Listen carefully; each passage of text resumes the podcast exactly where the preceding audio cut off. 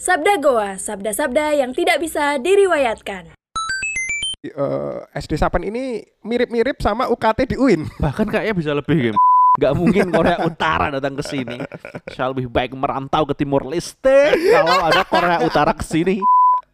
Kita akan membahas tentang kompetisi-kompetisi yang cukup aneh di dunia.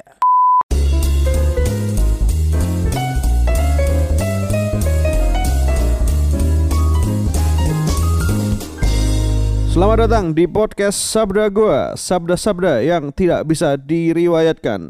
Tetap dan selalu bersama duet wingback menyerang andalan Anda. Ada saya Satria Abdi dan juga ada Mahroja Hakim di sini. Selamat datang para warga gua di podcast khusus Gua Hira episode ke nggak tahu berapa tapi yang penting ini adalah pekan ketiga. ya. pekan ketiga yang membahas tentang geografi antropologi di mana menjelaskan suatu budaya yang khas di wilayah tertentu. Betul dan ini adalah eh, apakah Anda mendengar eh, gaung-gaung eh, ilahi? Ilahi benar panggilan sholat. Eh, eh. Tapi sayangnya kita lebih cepat daripada komat itu sendiri.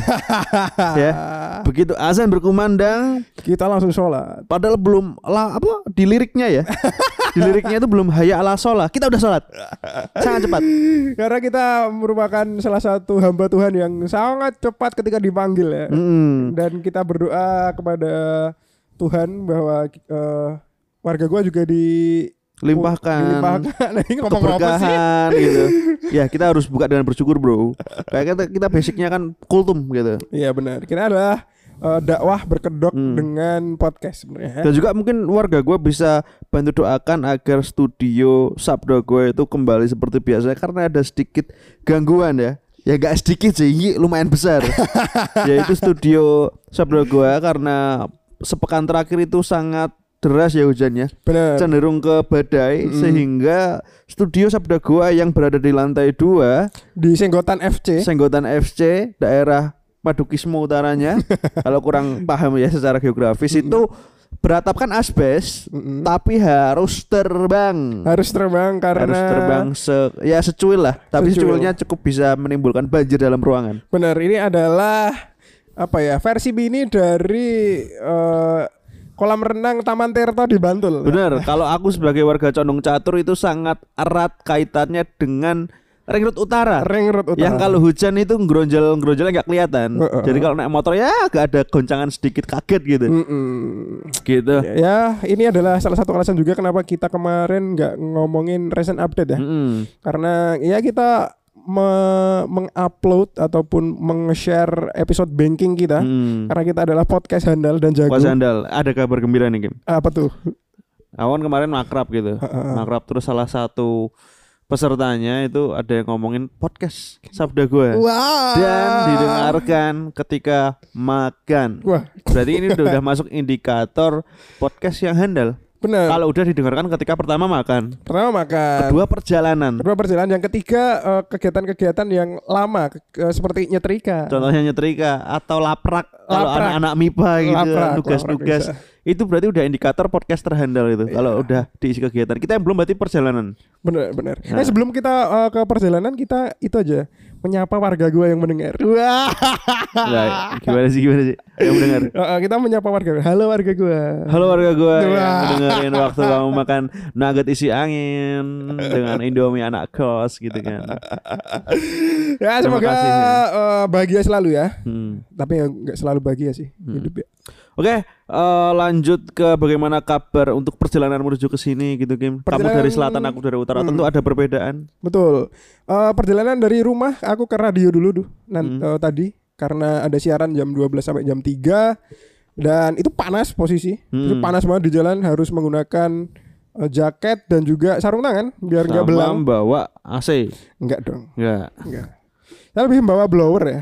Bawa blower yang isi air. Dan ketika siaran hujan mulai turun ya. Hmm. Dan pas OTW ke sini ya hujan-hujan. Eh, sama persis sih. Berarti emang udah Jogja ini settingannya sampai jam 2 panas. Mm-mm. Terus langsung itu ada saklar dihidupin ya hujan terus ya gitu. itu jam 2 itu patokan saklar hujan terus tuh. Nah, jam 2 ya sekitar jam 3 lah. Jadi Heeh. ada kumandang adzan asar. Heeh. Lu langsung uh, langit gelap. gelap. Ya itulah settingannya selama dua minggu terakhir gitu terus ya. Betul, betul. Nah Tentu, Tentu. kalau hujan jam 4 berarti kan settingannya udah hujan tuh kan. Mm-mm. Dan itu sangat mengganggu banget kan aku berangkat tadi sore gitu. Mm-mm. Suatu kemutlakan dong kalau jam 4 itu tidak akan lancar. Iya Karena karena jam jam, toh, jam jam pulang pulang kerja, kantor. jam pulang kuliah mungkin, jam pulang Hmm. sekolah buat anak-anak SMA atau SMP ya. Kan jam prodi itu pilihannya tuh antara setengah tujuh untuk berangkat sekolah, berangkat Hmm, kerja, Betul. sama jam 4 ya pulangnya gitu. Mm-mm. Tapi game ada satu wilayah di Yogyakarta. Kan ini kita podcast podcast Kena Jogja nih. Eh, Podcast Kena. Jogja. itu ada wilayah di Yogyakarta yang jam kreditnya, jam rentan macetnya itu tidak terduga. Misal Hmm. nih, kita keluar jam 4 sore atau kita berangkat setengah tujuh. Kalau macet tuh mangkel tetap mangkel. Manggal tetap. Tapi sesuai rencana, sesuai dugaan lah. Sesuai dugaan dan sudah kebiasaannya Udah kayak kebiasaan. seperti itu. Heeh. Ya wilayah-wilayah kayak Jalan Kaliurang, terus Mm-mm. Samsat, yang tikungan ada jembatan kereta itu kan emang udah benar. mutlak macet aja gitu. Tetap Mm-mm. mangkel nggak mungkin terus kayak rela, ah keseharianku tidak, tetap mangkel. Cuma sesuai dugaan. Nah tapi ada satu wilayah di Jogja yang kalau masuk tuh yang ah macet lagi gitu. itu yang kadang tuh luput gitu. Sebentar, saya tebak boleh tidak? Saya tebak dulu mana tuh, yang jamnya itu nggak terduga. Hmm. Eh, anda kan dari UIN ya berarti? Dari UIN. Dari UIN mau ke Senggotan FC. Mau senggotan FC Madukismo. Mm-mm, berarti mungkin sekitar Jokteng. Salah, Enggak, salah, enggak, salah. Coteng. Paris juga enggak, Jalan Bantul enggak. Enggak. Mana tuh? Enggak. Wilayah yang tak terduga itu adalah tadi udah bener clue-nya itu berangkat dari UIN dari kampus Mm-mm. gitu, langsung mau rekaman adalah lewat SD Sapen Muhammadiyah. itu belakang UIN itu udah itu itu macetnya itu enggak terduga. Pertama, jam mereka beda dong. Maksudnya oke lah kalau masuk setengah tujuh gitu, atau sekarang ada jam ke nol gitu ya. Setengah tujuh udah masuk. SD itu jam nol ada kan? Ada, ada. kita aja anak untung anak SD belum ke RS-an kalau udah milih tuh ngambilnya siang semua nah itu anak SD Sapin kan pulangnya yang kelas 1 2 3 4 mungkin ya awal-awal jam, Jam 11 lah. sebelum, Sebelum duhur gitu sebelum kemudian yang normal yang kelas 6 jam 2an atau belum Hmm. nyampe sore gitu nah itu kan jam-jam yang berbeda dari keseharian gitu Mm-mm, dan sebagai anak UIN dan anda alumni UIN itu kan mungkin betul. sering lupa gitu kalau mau makan siang keluar ke Sapet dah macet lagi gitu kan dan mana mana ekosistemnya tuh sangat berbeda Heeh, benar. kalau di UIN kan parkir mobil tuh slow. parkir mobil tuh diisi dengan motor-motor Beat dan Vario. Kalau ada mobil kan ya ada tulisannya parkir khusus dekan. Dah, Betul, cuma itu. Wakil dekan aja belum mesti punya kok. Wakil dekan belum mesti, cuma dekan yang ada mobil. Gitu. Kalau Terus, di Sapen, Kalau di Sapen itu every single student itu udah pakai mobil dijemput dengan tas yang warnanya bagus-bagus ada gambar Marvel sama Princess. Ekosistemnya beda. Dan bawa wadah bekal yang mereknya di atas Tupperware, respect. respect, respect, Hmm. respect. Ya mungkin itu adalah salah satu indikator bahwa Sapen Hmm. ini merupakan eh, SD yang unggulan ya. Unggul, jelas. Unggulan eh, selain unggulan juga favorit. favorit. Karena ada unggulan yang nggak favorit. Ada dong. A- ada sih, ada. Ya. Dan juga indikator bahwa eh, SPP di eh, SD Sapen ini mirip-mirip sama UKT di UIN. Bahkan kayaknya bisa lebih, Kim. Makanya perlu perlu apa ya? Studi, studi. pengakuan Oh, khusus pengakuan lebih khusus. untuk alumni SD Sapen. Misal berapa masa studi di sana? 6 tahun. 6 tahun, 6 tahun. S1 berapa tahun? 4 tahun. 4 tahun tambah S2 Me- Kalau semester 2 tahun. 2 tahun. Jadi 6 tahun sama setara. Jadi kalau alumni SD Sapen alangkah baiknya dengan harga UKT yang eh dengan harga SPP yang lebih mahal dari UKT di UIN. Ya kalau lulus magister lah. magister. Bisa itu. Sebelum lulus harus mempunyai disertasi dulu. Hmm. Dan bagusnya nih, kita urutin nih. SD-nya di Sapen. Heeh. Kita recommended daerah Sapen itu ternyata tuh ada studi sebelumnya alias TK. Itu Heeh. yang unggulan juga, Kim. Mm-mm. Oh, saya tahu arah Anda mau ke mana. Mau ke mana tuh? Mau ke mana tuh? Eh, TK ya. Iya, TK daerah Sapen tuh. TK daerah Sapen dan mungkin di pertengahan pertengahan kampus. ya. Sangat tengah kampus adalah TK Win Sunan Kalijaga. Sebelah Fakultas Visum, lebih dekat sama fakultasmu ya. Heeh, lebih dekat dari daripada aku. Hmm, itu adalah salah satu TK yang juga fenomenal ya. Fenomenal amal usaha UIN kayaknya ya. Menyediakan it- itu kayaknya tuh untuk anak-anak pegawai UIN tahu nggak sih? Heeh sih. Yang kalau berangkat bapaknya berangkat kerja, bapak ibunya berangkat kerja gitu. Anaknya cemplung ke sana. Iya, gitu. benar, Nanti kalau udah jam pulang ya ngerusui di kantor TU. Heeh, Nah, benar, gitu. benar, benar, benar. Polanya kan kayak gitu. Nara, Nah, nara gue nganu sap. Eh, mangkat bareng anak, barang anak. berangkat bareng anaknya, terus anaknya dimasukin TK. Eh, terus kerja kan. Hmm. Nah, kerja tuh biasanya jam 12 jam sebelum jam 12 tuh udah balik kan. Mm-mm. Nah, kita yang biasanya ngurus eh, administrasi di TU tuh kadang Punya nggak ada dulu pasti nih. kadang kadang tuh bingung. Eh, Bu, permisi mau nyari ibu ini buat ngurusin surat ini. Oh, baru keluar ya Mas mau jemput anaknya. Nah, aku itu itu berarti anaknya TK-nya di UIN tapi belum tentu SD-nya di Sapet betul. sekarang jenenge ya bayaran dari pegawai UIN belum tentu bisa menghidupi anaknya yang untuk sekolah di SD Sapet itu Nah. kayaknya beyond imagination sih Ya Agak misalnya eh, ingin memasukkan anak Anda ke Sapen ya paling enggak gaji Anda enggak UMR lah. ya, di ya jangan, atasnya. jangan. tapi itu anak yang bersekolah di TK di TK UIN ya berarti Mm-mm. di TK UIN itu gimana tuh Eh, respon dia kalau ditanya sama budi-budinya gitu kayak, wih udah gede, udah sekolah sekarang, iya tante gitu. Eh, TK-nya di mana ya sekolahnya? Di UIN itu. Jurusan apa? Kan gitu ada lanjutan pertanyaannya pasti. Di UIN. Tidak, mu- tidak mungkin dong anaknya itu menjawab eh, jurusan nol besar. Nggak dong. ada, bahkan langsung studi agama-agama. Ternyata TK Fakultas Usuluddin. Wih, keren. Itu kalau naik kelas ya dari nol besar ke eh dari nol kecil ke nol besar Hmm. itu sempro dulu. sempro tuh lesson buat si Adinda siapa gitu. Ah, respect. Soalnya pas sempro eh, temennya datang bawain eh, roti gembong. itu kalau di UIN nanti gembong. Kalau di luar mungkin kan Jeko ya. Kalau UIN levelnya Jeko. gembong. Dua puluh ribu clear dapat yang iya coklat keju lah. itu aja mesinnya itu nggak langsung ke gembong Dim. itu masih dari kos pakai promo Shopee Food Oke. yang sekarang nggak gede itu itu baru Iya, dapat jadi emang jauh lebih murah ya UIN nggak akan ada habisnya kalau Iya, benar. sel- selaku orang yang hidup di sana ya bukan dalam artian wah berarti kampus lain biasa aja itu enggak karena kita nggak sekolah di situ gitu Benar. Dan kita nggak tahu seluk beluk kampus Ya, Anda. Kalau uh-uh. Anda eh, protes ya eh, bikin podcast sendiri, Hmm. bahas kampus Anda sendiri. podcast UGM boleh podcast Boleh. UPN boleh, Boleh. gitu Kita ini menasbihkan diri sebagai podcaster UIN ya. Mm. Jogja dan UIN ini spesifik nih podcaster UIN loh Mana ada mahasiswa UIN yang bikin podcast yang proper kayak gini. Hmm. Tapi enak loh kalau aku ditanya, aku sebel kalau di luar gitu ditanya, Hmm. kuliah di mana? Di UIN. Oh yang dulu IAIN. Iya dulu IAIN. Itu pertama tuh kalau orang tua.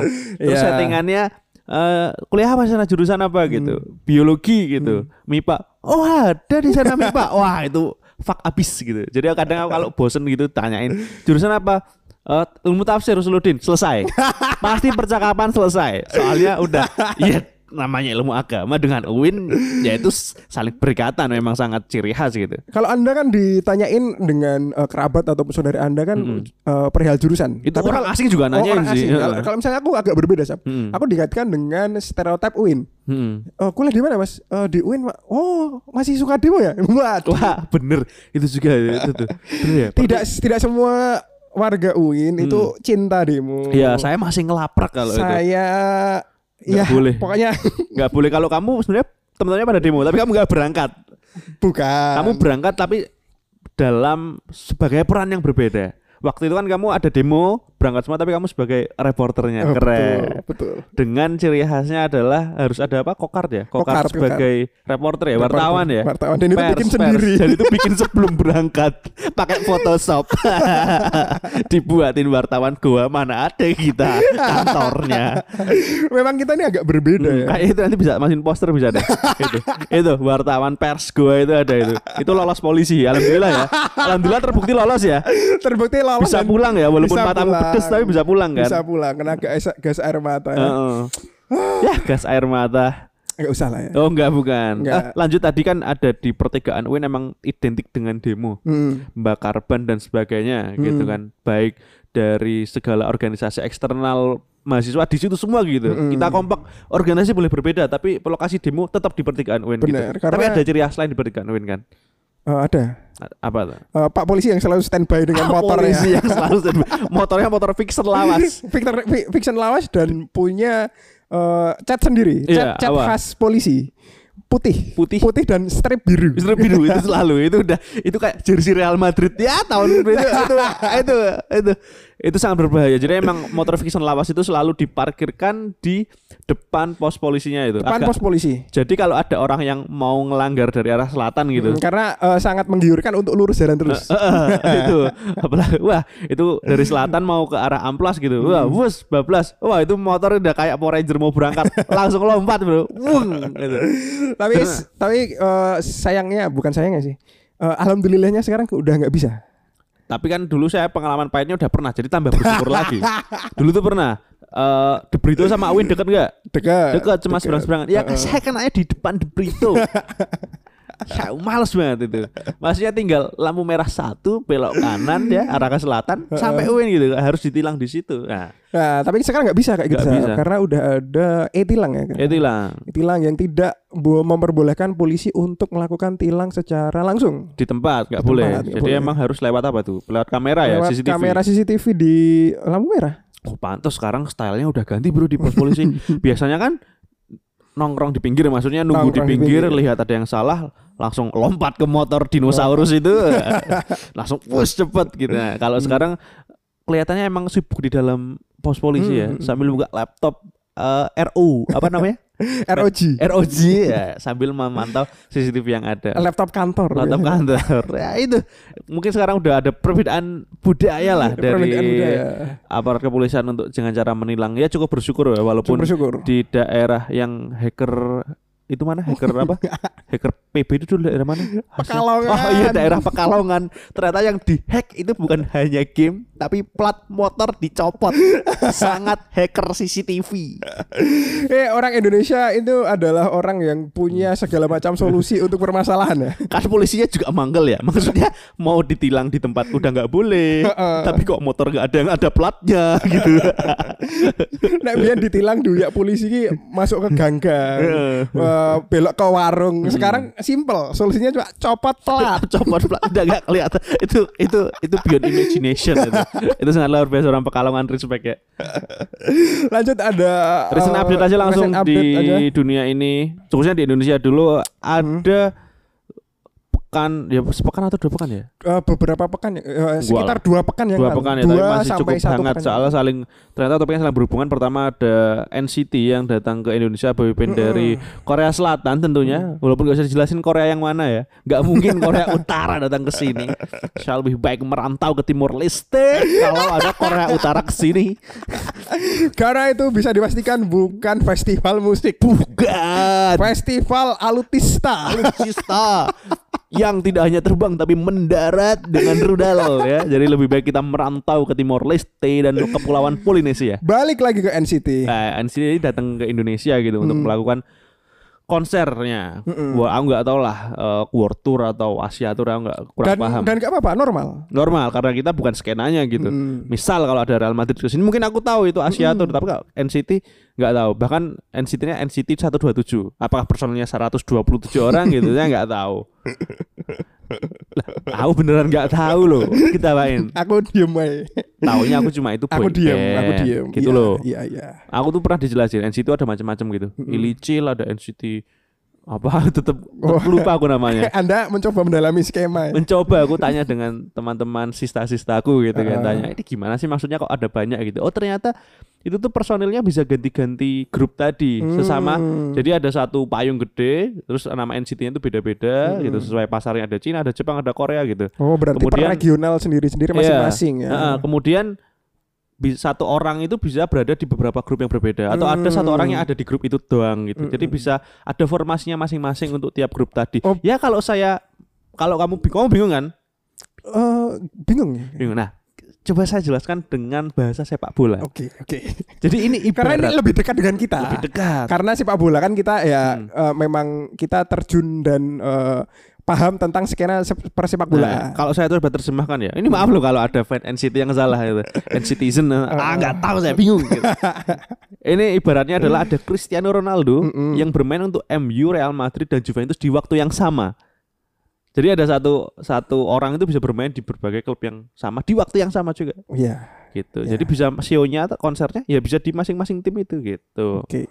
Tetap nggak paham ya saya juga hanya bisa mentok segitu Agak susah ya. susah nah pokoknya boyband NCT saya nggak tahu yang mana itu konser ke Indonesia Mm-mm. kemudian menjadi perhatian fansnya tentu tapi menjadi perhatian nasional bukan karena konsernya yang berhasil Mm-mm. gitu tapi ada sedikit tragedi Tragedi dan kerusuhan kali ya mungkin lebih tepatnya kalau aku menganggapnya. ya tragedi penyebabnya kerusuhan Nah, gitu. itu. itu Itu yang jadi tepat. pertama itu rusuh yang saking dorong mendorong gitu Eh, kalau dari awalnya ya Hmm. itu tuh ada kayak segmen gitu, Hmm. ada segmen yang memang personil atau member NCT-nya ini membagikan bola yang ada tanda tangannya. wah ya sudah tentu chaos gitu Mm-mm. Maksudnya JKT yang minum Pocari Sweat dibuang aja rame kan dulu kan. Apalagi NCT gitu. Nah, terus itu tuh dilempar-lempar gitu bolanya dan menjadi ya bahan rebutan tentu saja. Hmm. Dan ya eh, normal lah sebenarnya Mm. kalau misalnya ada ya apa ya namanya? eh, action panggung. Normal. Paul Paul Pogba kalau lepas jersey aku juga teriak kok. Iya. Pogba Normal. minta jersey saya minta tuh Nah, Bang. tapi- paham lah nggak usah mendiskreditkan fans Korea lah. Benar. Emang wajar gitu. Mm-mm, tapi memang ada beberapa mbak-mbak yang Nah, ini ini. cukup eh, tidak mengetahui sekitar ya, Mm. dibutakan oleh fanatisme. Mm-mm. Dari belakang ada eh, pembagian bola bertanda tangan, lantas mendorong-dorong eh, rekan-rekan K-pop lain ke depan. Jadi semuanya ikut tertekan ya, Tertekan dan secara maksudnya secara fisik ya, Iya. bukan secara mental. Bisa jadi iya, cuma kita nggak tahu. Bisa jadi ada yang eh, fobia eh, sempit. Ya nggak usah berangkat gak sih? Itu hal yang bodoh. Nah, nah terus di depan panggung sempit berangkat konser. dan itu di depan panggung tuh biasanya ada itu loh kayak gate gitu loh. Mm-mm. Kayak ada pagar yang memang untuk membatasi antara penonton sama Panggung. Panggung. Hmm, Dan, Dan- setiap konser ada. setiap konser ada. Hmm. Bahkan eh, sepak bola juga ada. Ada. Kayak gate gitu.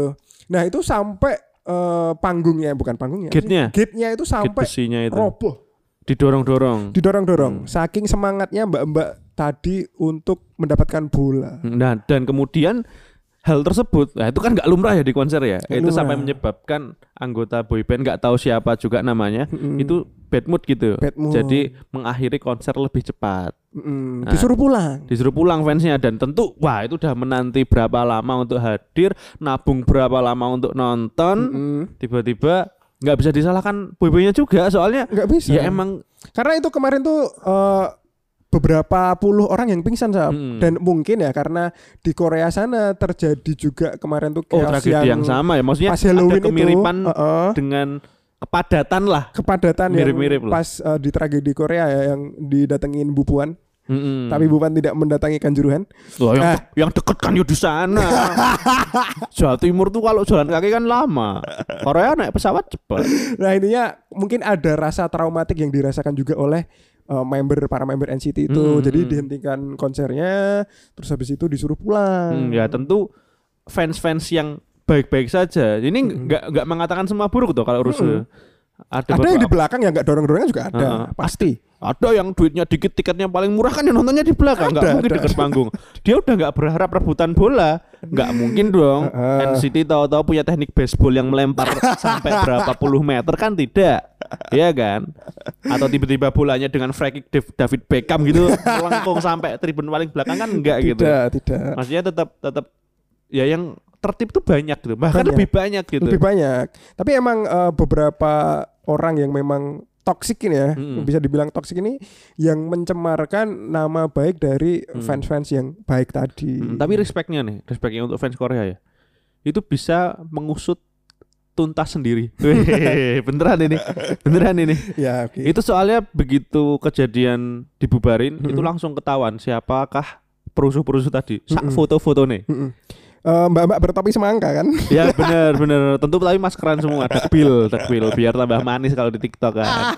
gitu sista-sista ini kemudian ternyata telah di tracking oleh fans-fans yang lain Mm-mm. gitu fans-fans yang tertib gitu ya Mm-mm. ternyata sudah mempunyai track record yang cukup buruk Mm. gila ya maksudnya sekedar ini skena fans gitu ya. Skena fans. Yang itu akar rumput gitu. Bukan bukan ada organisasi tertentu yang siapa ketuanya, siapa orang besarnya gitu. Hmm, ada yang Tapi menaungi. semua tuh akar rumput gitu. Tiba-tiba ketahuan kalau ini tuh wah ini udah rusuh di mana-mana. Bahkan sampai Malaysia dan Singapura itu di blacklist karena pernah rusuh di situ. Jadi ini memang udah perusuh skala internasional. Dia paling ke Asia Tenggara lah gitu. Maksudnya gini, pemain Indonesia sepak bola aja untuk untuk dikenal di Asia Tenggara gitu, untuk direkrut tim sana itu susah. Iya. Ini benar. ada fans yang memang sudah melalang buana ke Asia Tenggara dan di blacklist. Jadi dan, memang dan terkenal ya kemasyurannya sudah tidak diragukan lagi. kemasyuran Hmm. dalam eh, hal-hal negatif ya. Mending ah, udah setelah udah setelah ini Indonesia berarti udah blacklist juga kan. Udah Mbak-mbak atau semangka itu udah Iya. YouTubean aja, YouTubean. YouTubean, YouTubean. Streaming aja, streaming.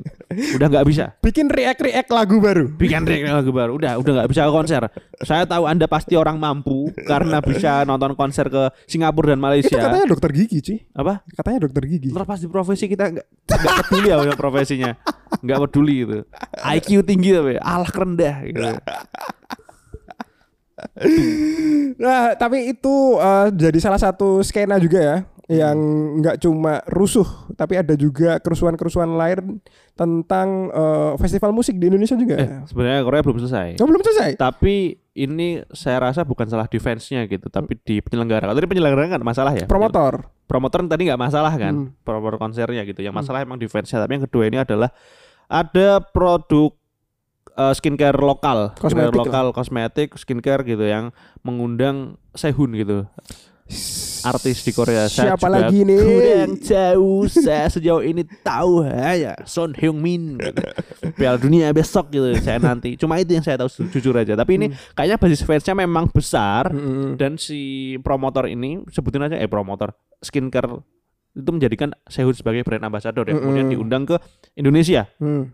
Tapi dengan kemungkinannya nih, kemungkinan dengan popularitas yang sangat besar tentu kan akan mengundang masa yang sangat banyak. gitu. Mm-mm. Tapi justru si perusahaan ini mengu- mengadakan acaranya hanya di atrium mall gitu. Hmm. Jadi ada sekitar 10.000 orang yang memenuhi mall tersebut empat lantai full.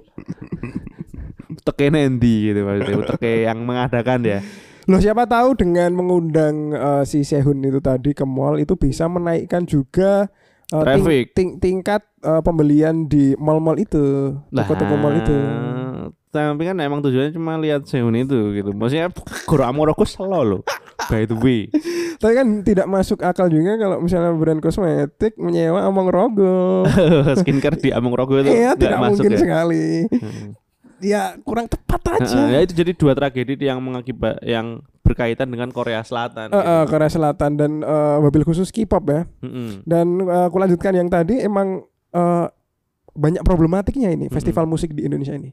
Salah satunya juga kemarin yang eh, sempat ramai itu adalah berdendang bergoyang. Berendang bergoyang. Berdendang bergoyang itu kemarin ramai karena adanya kesalahan di penyelenggara yaitu dengan kapasitas 5.000 yang harusnya diisi 3.000 malah sampai terjual 20 ribu, 27 27 ribu ya. 27 ribu Jadi tiket kapasitas berarti 5.000 5 ribu. Berarti, harusnya untuk crowd controlnya itu hanya diperbolehkan 3.000 berarti sampai 27 itu 9 kali lipat gitu ya.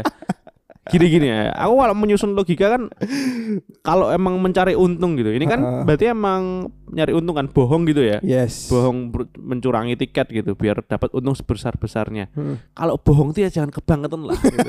jangan 9 kali lipat juga gitu. Ini masalahnya ini masalahnya orang gitu yang dikumpulin. maksudnya eh, misal misal kapasitas 5.000 Mm-mm. yang harusnya datang 3.000 ki Mm-mm. kamu jual tiket 6.000 ki wes untung loh Udah untung udah. Dan seribu orang loh. tuh tetap kehitung banyak. gitu ya. Seribu orang tuh ya udah satu pondok pesantren lah. Pondok pesantren rata-rata lah. Itu kan tet- tetap kelihatan gitu maksudnya udah Ah. rame. Kok ya mau sembilan kali lipat gitu. Itu kan nggak mungkin. Itu lebih ke ibadah haji. Emang tempatmu gedenya satu komplek Mekah itu kan enggak kan?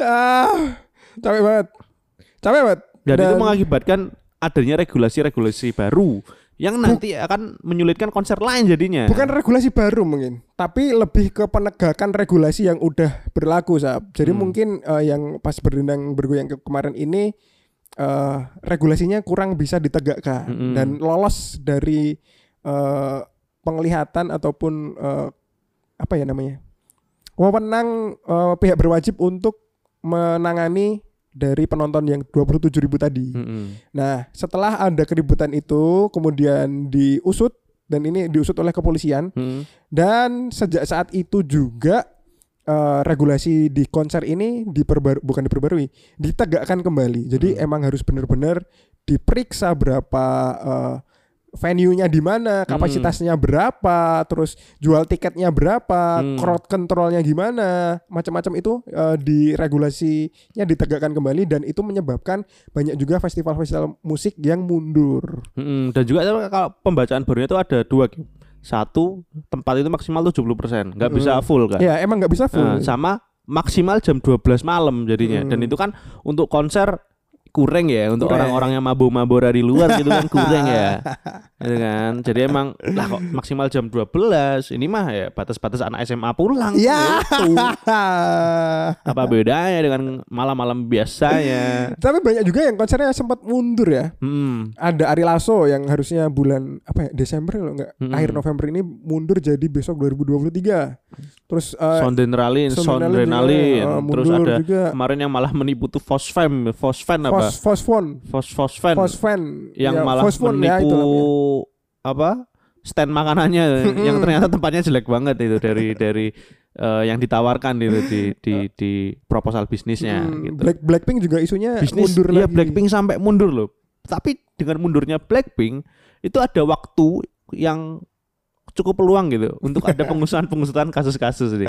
Ini cukup menjadi rutinitas apabila ada grup musik Grup musik dari Korea, Korea, Selatan. Selatan, khususnya emang Korea Selatan terus ya Heeh. yang kalau datang itu cukup problematik bukan di bandnya bukan di grup musiknya dan juga bukan di fansnya yang tertib tadi tapi Mm-mm. selalu ada pembuat-pembuat kerusuhan gitu. Seperti penipuan-penipuan tiket ya di Blackpink.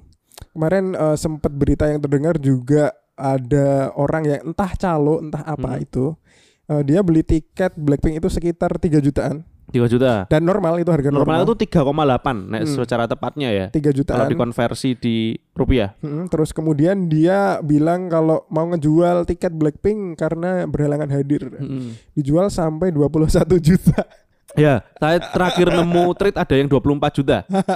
Itu. Jadi sekitar enam kali lipat. 6 kali lipat. enam kali lipat. Ya beda tipis sama kegoblokan promotor tadi lah. Tadi sembilan kali lipat ya ini turun enam kali lipat. Tapi kalau memang berhalangan hadir Mm-mm. Harusnya kan dikurangi dong nilainya biar cepat laris gitu loh biar Iya. cepat keganti aja gitu Mm-mm. kalau nggak mau harga asli ya dikurangi tipis-tipis lah Itu biar kan logika orang normal jualan. logika orang BU kan maksudnya kalau udah rugi nggak datang ya udahlah siapa tak jual cepet-cepet gitu kan kalau ini kan udah otak-otak calo sebenarnya tapi calo aja ngelebihinnya kan biasanya cuma 20% kan Hmm. kita datang ke DBL lah sekarang Jogja ada DBL gitu Mm-mm. calo dua puluh ribu misal tiketnya kan di calo 25 gitu. Maksimal kalau final 30 Iya. wah kalau enam kali lipat 20 gitu kali enam kali jadi 120 ribu. Calo loh mas. Calo aja nggak sampai segitu loh jahatnya. Serius. Atau mungkin mungkin mungkin para orang yang ngejual tiket sampai enam kali lipat ini mendapatkan treatment yang berbeda dari pemegang tiket biasa. Setelah Hmm. masuk bisa bertemu member-member Blackpink dan juga dinyanyikan lagu-lagu eh, kedaerahan ya Hmm. mungkin ya. plus itu juga langsung paketan kamar staycation bareng Lisa Mm-mm. atau milih member yang lain itu itu emang nilai plus dari calo tadi Hmm, kamu Itu- pengen pengen lihat eh, Lisa nyanyi lagu Runtah? belum pernah ya Atau- itu beli tiket yang 21 juta. atau Jenny Kim Jenny gitu menyanyikan lagunya Ardito Pramono gitu kan lagu-lagu hits pop nasional gitu kan juga atau bisa atau mungkin Rose nyanyi lagu dari Caknan. dari Janan atau Evan Los yang full senyum sayang gitu kan itu belilah tiket yang harganya sampai enam kali lipat itu. Hmm. itu sebenarnya bukan calo itu udah ada MAU di belakangnya Iya. itu nggak tertulis itu emang Itu nggak tertulis. emang ada sur efek surprise-nya buat Ya, para efek pembeli-pembeli itu surprise. Hmm. emang emang industrinya tuh sekarang udah maju lah ya tapi itu tadi ya eh, beberapa kericuhan ya. Mm-mm. Eh nggak ricuh sih. Ya ada yang ricuhnya, Mm-mm. tapi ada keramaian dan recent update yang akhir-akhir ini terjadi. Sebenarnya yang, ditunggu tuh tinggal treat-treat penipuan aja sih. Tadi kan tadi kan dimahalin. Dimahalin. Insya Allah jujur tapi tiketnya tetap dapat gitu. nggak tahu. Nggak tahu juga. Insya Allah makanya. tapi kita tunggu yang memang bayar dan nggak dapat. Eh, eh. Yang disuruh foto KTP lah. Tapi KTP-nya ya Tulung Agung. foto KTP Pekalongan tadi misal. foto KTP tapi foto KTP sih neng Pinterest. Iya bener maksudnya tuh apa iya gitu. Boleh sih orang situ nonton gitu, tapi kan mayoritas kayaknya tetap orang-orang Jakarta kah gitu kan, yang orang-orang lokal gitu. dan monggo juga jika anda semua mau membeli yang 24 juta tadi kita Hmm. tidak melarang juga Kita tinggal nunggu nunggu itulah treat-treat orang yang tertipu dan juga treat-treat orang yang jualnya kemahalan. tapi semoga lewat banyak nih. semoga tidak lah ya Mm-mm. semoga tidak Padahal tuh ada event nasional gitu, Kim, Mm-mm. yang nggak akan ditunda pertama. Mm-mm. tiketnya nggak akan dimahalin bahkan nama gratis nggak ada tiketnya gitu terus tiketnya juga eh, tidak akan ditipu orang nggak ada ngapain nipu gitu kan dan cukup bayar OTW jarak temu ke kota tersebut eventnya tuh ada di Solo. Dan crowd controlnya insya Allah sangat baik gitu dan manfaatnya ada. Dan ini juga bisa jadi alternatif ya. Alternatif Buat- betul dan ini seru banget. buat orang-orang yang nggak bisa nonton konser karena kemahalan tiketnya Hmm. atau mungkin eh, konsernya diundur gara-gara beberapa kasus tadi. Klunya ya klunya nih. Bahkan Eros Chandra berkontribusi di event tersebut. Respect maksudnya ini kan udah gitaris nasional ya dan sangat ikonik kan dengan Sheila on Seven. Berarti kan ini eventnya ya sangat sangat meriah gitu. Sangat meriah. sangat settle ya. Sangat meriah dan juga direncanakan dengan baik. Mm. karena sudah dari awal tahun kemarin sudah digaungkan Mm-mm. memang ya. Apa sub eventnya? Eventnya adalah Muktamar Muhammadiyah ke-48 di Surakarta. Selamat rapat dan merumuskan bagaimana pentingnya keselamatan umat Islam di Indonesia dan umat seluruh manusia juga di dunia karena memang suluh peradaban sang surya Muhammadiyah untuk Islam dan manusia di dunia ini. ya Sabdi kadernya keluar nih tadi Hmm. jiwa-jiwa kadernya keluar Harus bro, harus dipromotorkan untuk Muktamar Muhammadiyah. ada yang bilang kalau wah muktamar nggak seru kata siapa Kata siapa? Bayangin yang nulis lagu Eros Chandra. Eh, muktamar nggak bisa sing along kata siapa Kata siapa? Coba kamu YouTube dulu deh. Nanti kasih linknya di poster bisa. Bisa, bisa banget di caption itu nanti link lagu uh, theme song Muktamar Iya, 48 Surakarta Muhammadiyah. Oh, respect. Kamu langsung mau ke pimpinan pusat Muhammadiyah langsung buat kartu tanda anggota itu, yakin aku. buat yang nggak Muhammadiyah mau ikut muktamar loh boleh Boleh datang ke Surakarta tuh ngelarang. Oh, bebas. bebas nggak ada yang ngelarang nggak ada oh, eh, aktivis-aktivis Hmm. ataupun jihadis-jihadis Muhammadiyah yang melarang nggak ada Amal usaha Muhammadiyah, Kim. Hmm. Non Islam aja boleh masuk. Hmm, oke. U- UAD orang Cina ada di sana. Mm-mm, Terus ada Universitas Muhammadiyah Manokwari itu. mm-mm. itu orang-orang nonis yang orang lokal Mm-mm. emang orang Papua situ boleh masuk Kim. Wah, Muhammadiyah emang suluh peradaban untuk semua umat, Bro. Amal usahanya sudah menyebar di mana-mana gitu. Baiklah, kita tunggu Anda menghafalkan lagu eh, Theme song Theme song Muktamar. Muktamar dan kita Muhammadiyah. tunggu kehadiran Anda di Solo. Iya, selamat sukses Muktamar Muhammadiyah. Iya. Bener, kita ini podcast Buzzer Muhammadiyah. I don't care Selain what you say. podcast UIN ya, kita juga podcast Muhammadiyah. Soalnya ternyata skena yang dengerin tuh rata-rata temen-temenku yang Muhammadiyah dulu. Selama ngobrol-ngobrol gitu. Eh lah ternyata ya cah-cah iki gitu. Ya udahlah sekalian, nggak apa-apa. sekalian Buzzer Muhammadiyah. Mungkin memang kita pasarnya di sana kan, kan Hmm. kita nggak pernah tahu.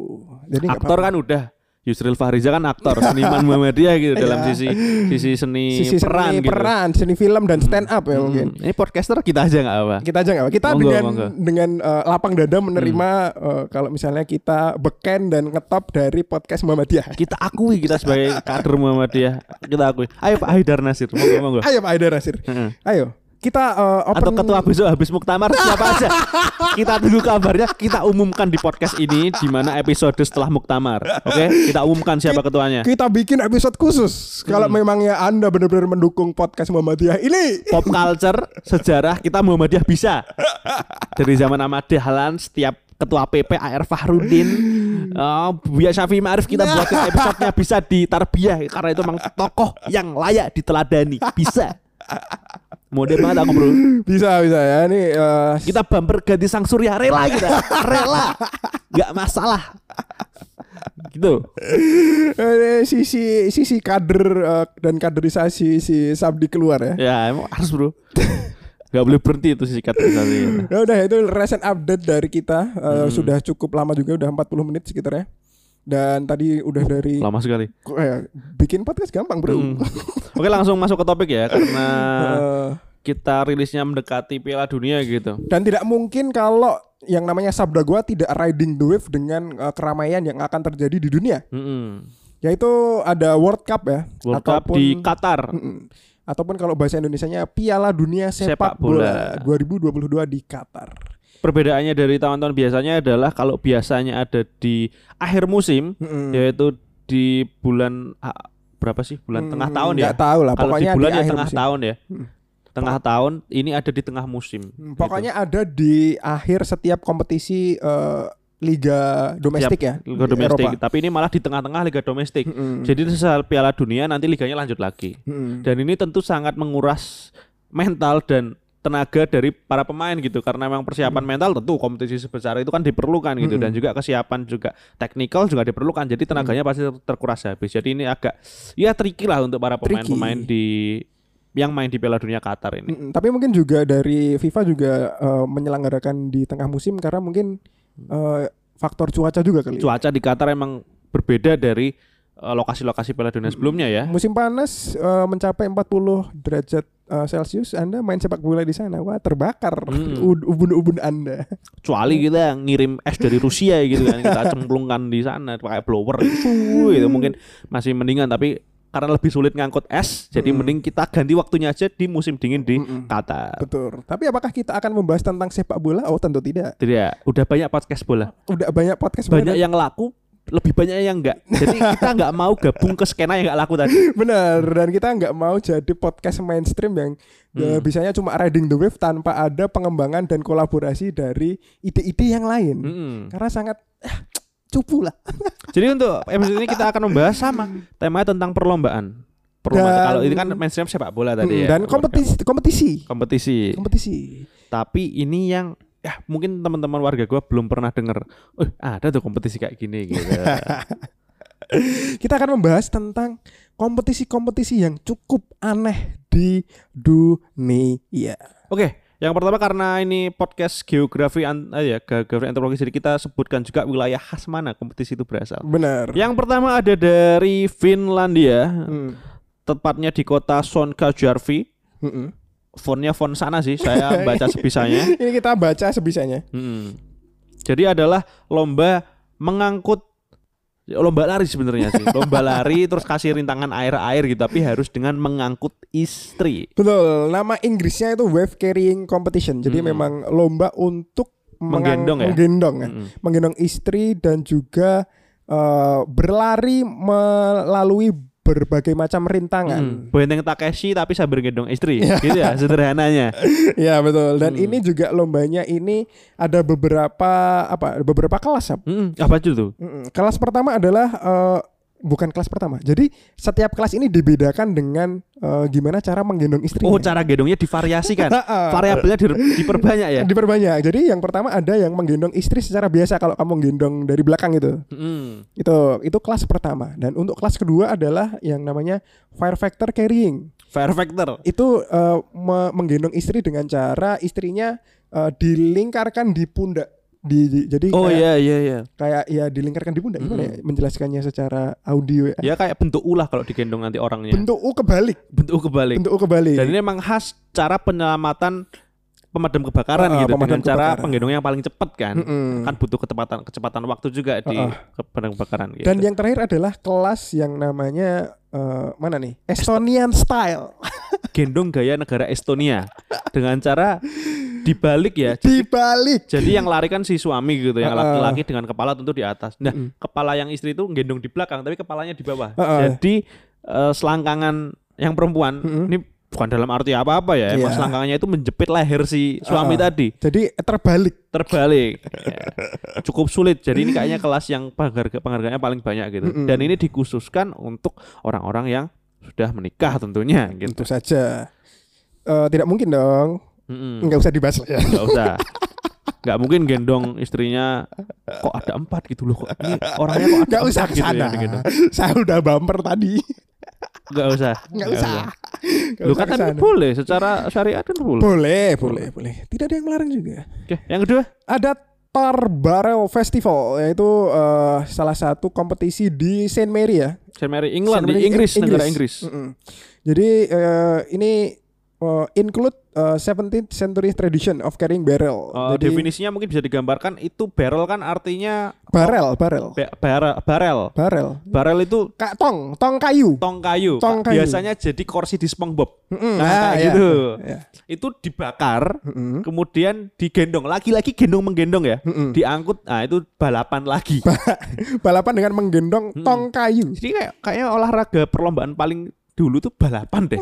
Kayak dipikir-pikir kan pacuan kuda dengan apa ya kan Balap anjing. balap anjing kayaknya se- Indonesia juga ada balap marmut juga ada iya, karapan bener. sapi di Madura Oh, karapan semua sapi. konsepnya balapan ya Karena kecepatan ya. dipikir-pikir belum ada itu yang model game semua balapan oh jadi di eh, Saint Mary Inggris itu memperingati malam Guy Fawkes Mm-mm. festival yang sudah ada, sejak abad ke-17 tradisinya Hmm. adalah menggendong itu tadi barel yang terbakar Tapi tidak sembarang orang yang bisa menggendong barel yang dibakar tadi. Hmm. Hanya eh, keturunan-keturunan khusus yang telah hidup di Ottery Saint Mary. Jadi ada daerah khusus di Inggris Hmm. namanya Ottery Saint Mary eh, dan orang-orang di sana lah yang hanya bisa ikut eh, ikut untuk menggendong dan juga ikut kompetisi untuk eh, menggendong barel terbakar itu Mm-mm. tadi. Jadi mungkin eh, kalau kita mau ke sana tuh cuma bisa nonton tok, Hmm. nonton festivalnya. Jadi orang-orang yang membawa dan eh, memikul tong kayu terbakar itu khusus warlock khusus ya warlock. warlock asli gitu. Jadi Asli. kalau Mas saya daftar mau ikut gitu. Oh enggak monggo monggo gitu. Orang Inggris, tapi Orang pakai- Inggris. pakai aksen Inggrisnya maksudnya. Iya. Enggak monggo monggo. itu aslinya mana Mas gitu. Hmm. Saya dari Bangun Tapan gitu. Itu udah nggak boleh berarti. Nggak udah boleh. gugur. Nggak boleh. Harus dari Saint Mary tadi. Harus dari San Mary. Ah, Nah, mungkin kalau boleh mungkin dari eh, Pal Bapang. dari Pal Bapang itu selalu terucap gitu. Itu nggak bisa berarti ya. Nggak bisa. Harus dari warok. Oteri Saint Mary dan itu diwariskan generasi ke generasi. Heeh, jadi emang khusus warlock Hmm. aja. Jadi cucunya lihat mbahnya dulu ngangkut gitu, Mm-mm. mesti pi- pengen dong. Wah, cita-citaku kayak simbahku besok ngangkut tong kayu yang terbakar gitu. Itu boleh, soalnya emang keturunannya dan asli di situ. Betul. Yang selanjutnya ada yang namanya extreme ironing. Ironing alias Indonesia nyetrika. Nyetrika. Nyetrika. Sungguh simpel eh, dari nama dan kedengarannya. Hmm. Nyetrika, Dan ini konsepnya lah akhirnya bukan balapan, bukan balapan. tapi unik-unikan. Nah, Ah, ini ini asli unik-unikan. mana nih? Nah, kita eh, mungkin jelaskan dulu. Oh iya, jelaskan Jelaskan. dulu definisi dari lombanya adalah kegiatannya simple sesuai Simpel, katanya. nyetrika. Nyetrika. Tapi ada tambahan kata ekstrim. Hmm.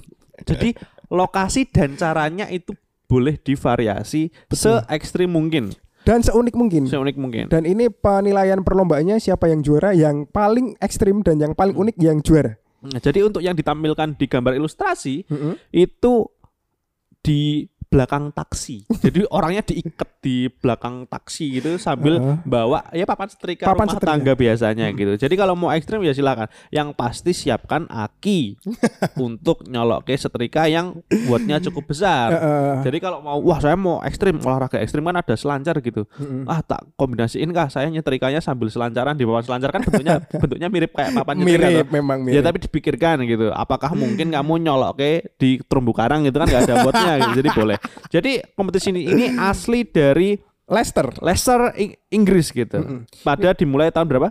1997 Cukup oleh ya? namanya Phil Shaw Hmm. ketika dia mau uh, rock climbing Mendaki bukit. mendaki gunung Mendaki Emang gunung ya, mendaki gunung, Gunung. mendaki bukit dan ketika dia nggak boleh sama istrinya Hmm. dia malah disuruh melakukan uh, ya itu tadi kayak nyetrika Kerjaan rumah. Uh, uh, kerjaan rumah Jadi sebenarnya bapak-bapak yang ingin main mainnya kegiatan ekstrim tapi dilarang sama istrinya untuk mengerjakan pekerjaan rumah tangga. Eh malah dilakuin dua-duanya. malah dikombain Mending saya nyetrika sambil rock climbing. Lagi-lagi saya bertanya, itu cop-copannya di mana? tapi yang paling ekstrim ini uh, dari menurut artikel ya eh, memang ada yang di nyetrika di underwater Underwater. Underwater. Untuk manasi suhunya cukup sulit. Tapi namanya ekstrim. ekstrim Kenapa oh, enggak? ekstrim kenapa enggak Berarti kalau di Indonesia tuh yo coba kita pikir gitu. Hmm. Ilustrasi kita kalau ikut lomba tapi kita secara remote ya, secara jarak jauh gitu. Kita Oke. kirim video ekstrim kita nyetrika kita di mana enak ya?